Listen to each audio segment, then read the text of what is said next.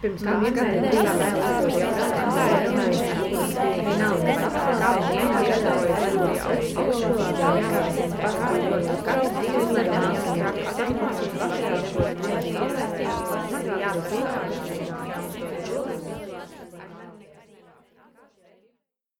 Tu klausies daļu no Rīgas Stradiņu universitātes studenšu veidotās performances, vai tev arī tā ir bijis, kurā ir apkopoti deviņi neveikli izgāšanās stāsti, kas meitenēm ir likuši izkāpt no savas komforta zonas.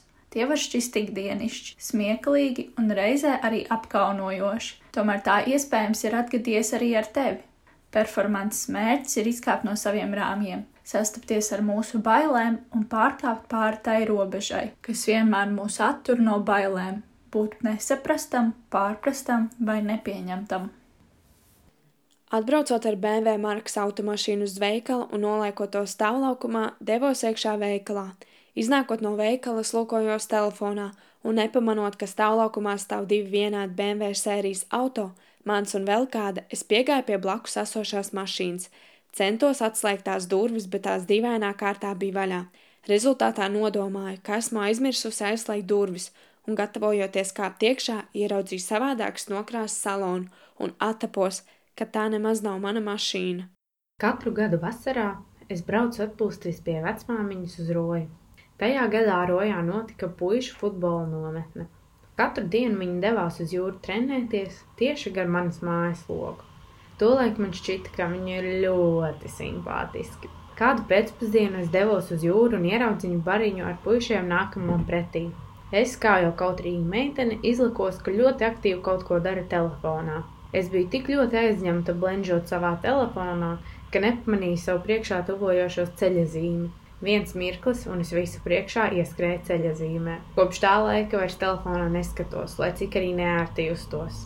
Tas uh, bija pavisam nesen. Es iegāju kafejnīcā, kurā esmu diezgan bieži.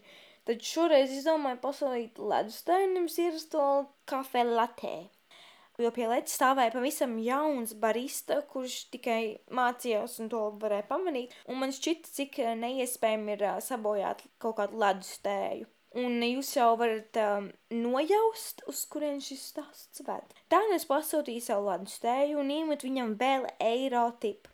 Un pieminēšu, ka es par ledus tēju samaksāju 5 eiro M izmēra. Es iemetu to vienu eiro tipu, jo zināju, kā ir strādāt šādu darbu, un to es darīju aiz labas sirds. Un tad pienāca manā ledus tējas saņemšana, un es saņēmu Jā, iedomājieties, L krūzi, un trešā daļa no krūzes tikai bija ar šo tēju. Un uh, nosaukumā ir ledus tēja, un es saņēmu ne ledu, ne citronu, un uh, es no šejienes ledus tēju esmu ņēmusi vairākas reizes, un visas reizes man ir bijis tiešām ledus.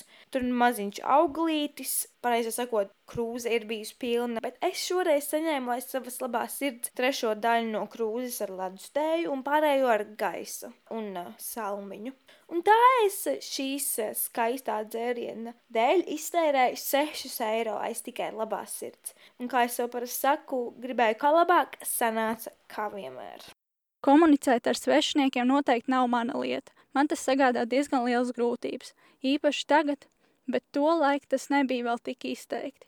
Pēc 11. klases vasarā katram skolēnam bija jāiziet prakse uzņēmumā. Lai ietu pa šķietam vieglāko ceļu, meklēju prakses vietas ar paziņām. Mans krustāvs piedāvāja vietu telemārketinga kompānijā par speciālistu, jeb to kaitinošo cilvēku, kurš zvana visiem un kaut ko piedāvā. Protams, piekrit, jo bija bail, ka citu vietu neatradīšu. Pirmajā prakses dienā ar zvaniem īpaši nesakmējās, jo bija ļoti nobijusies. Atraidoši cilvēki ir diezgan daudz, kuri nevēlas sarunu. Tomēr sliktākais notika tad, kad vienā no pirmajiem zvaniem klientu knapa spējas iepazīstināt ar sevi kā uzņēmuma pārstāvi, vīrietis man rupjā valodā nosūtīja pāris mājas tālāk.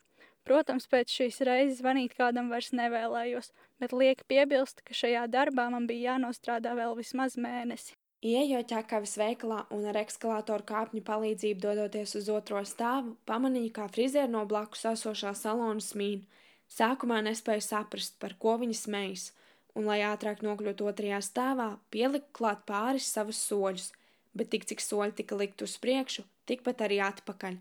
Ekskalātora kāpnes mani veda nevis uz augšu, bet gan uz leju, un tad man kļuva skaidrs, par ko frizieris smēja. Kāpnes, ar kurām centos nonākt otrajā stāvā, nemaz nebija paredzētas virzienā uz augšu, bet gan tikai un vienīgi, lai no otrā stāva nokļūtu lejā. Mums katram ir savas bailes. Man tā ir runāšana publikas priekšā. Kādu dienu es gatavojos ļoti svarīgai prezentācijai. Es biju ļoti uztraukusies jau dienu iepriekš. Vakarā devos gulēt saulēcīgi, lai mazāk būtu par to jādomā. Tolaik dalīja istabu ar māsu. Nākošajā rītā pamodos, un māsa teica, ka pa nakti esmu kaut ko ļoti gari stāstījusi, un beigās pa miegam piecēlusies sēdus un izmisīgi viņai jautājusi, vai gūtmane rakstās ar garo U un T. Smieklīgi piebilst, ka gūtmane ir mans uzvārds, un es ļoti labi zinu, kā tas rakstās, bet stress dara savu. Tagad aizvien gatavojot prezentācijām tekstu, uz lapiņas pierakstu arī ievadtekstu ar savu vārdu un uzvārdu. Tas tā katram gadījumam. Tas notika pirms pāris gadiem. Es uh, mācījos mākslas skolā un pēc skates. Tā notiek katru gadu, sākoties jaunam mācību gadam, jo tajā tiek izrādīti visi vasarā nepieciešamie uzgleznotie, uzzīmētie ar grafiku, veidotie kolāžas, visi studentu darbi. Man bija diezgan bieza mape ar šiem darbiem. Tā nu lūk, es uh, visus savus darbus izrādījusi, devos uh, pēc skatas māju ar piekto tramvaju. Klausoties mūziku un uh, esot nelielā pacelētā garstāvoklī, es uh, pilnībā aizmirsu, ka šo mapi atstāju piektajā tramvajā. To es sapratu tikai tad, kad biju jau izkāpusi un tramvajs savu maršrutu jau bija sācis turpināt.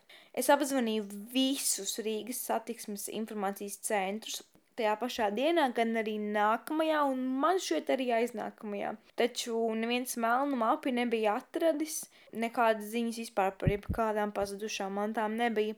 Tā nu es pieņēmu domu, ka kāds vēl līdz pat šodienai abrīno manas skatas darbus, kuri ir piekārti virs kamīna, un varbūt viņiem tagad ir kaut kāda naudas vērtība, bet tas jau ir muļķa runas. Bet kurš var zināt? Galvenais viņus iespējams kaut, kād, kaut kādā antikvariātā atrast un savākt. Universitātē diezgan bieži ir jāveido radošie darbi, piemēram, fotostāsti. Šoreiz šim darbam nebija jau noteikts tēmas, tādēļ veidoju fotostāstu par cilvēku eksistenci, būšanu, nebūšanu. Tā doma bija diezgan dziļa, un savā iztēlē jau redzēju to vizualizāciju, kā jāizskatās bildēm - jūra, krēsls, lampa, cilvēks. Tā un es kādu rītu devos uz jūru, lai veidot šo darbu. Jāpiebilst, ka fotogrāfa man nebija, un es biju kā modeli, tādēļ izmantoju kameras statīvu un taimeru.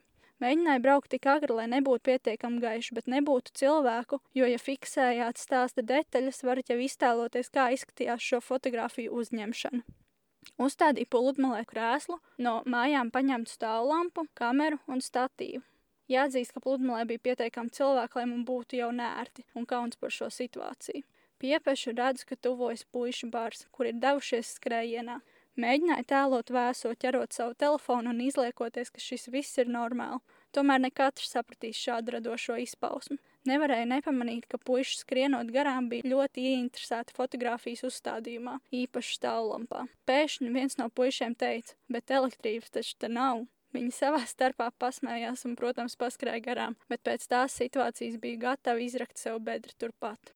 Svētdienas dienā ar mammu un māsas meitiņu devāmies pastaigā, bijām nogājuši jau samērā lielu gabalu, un vienā brīdī mammas darba kolēģi mūs pamanīdama atsūtīja mammai ziņu, ja nu kas, tad tavai meitai vaļā bikšu priekš.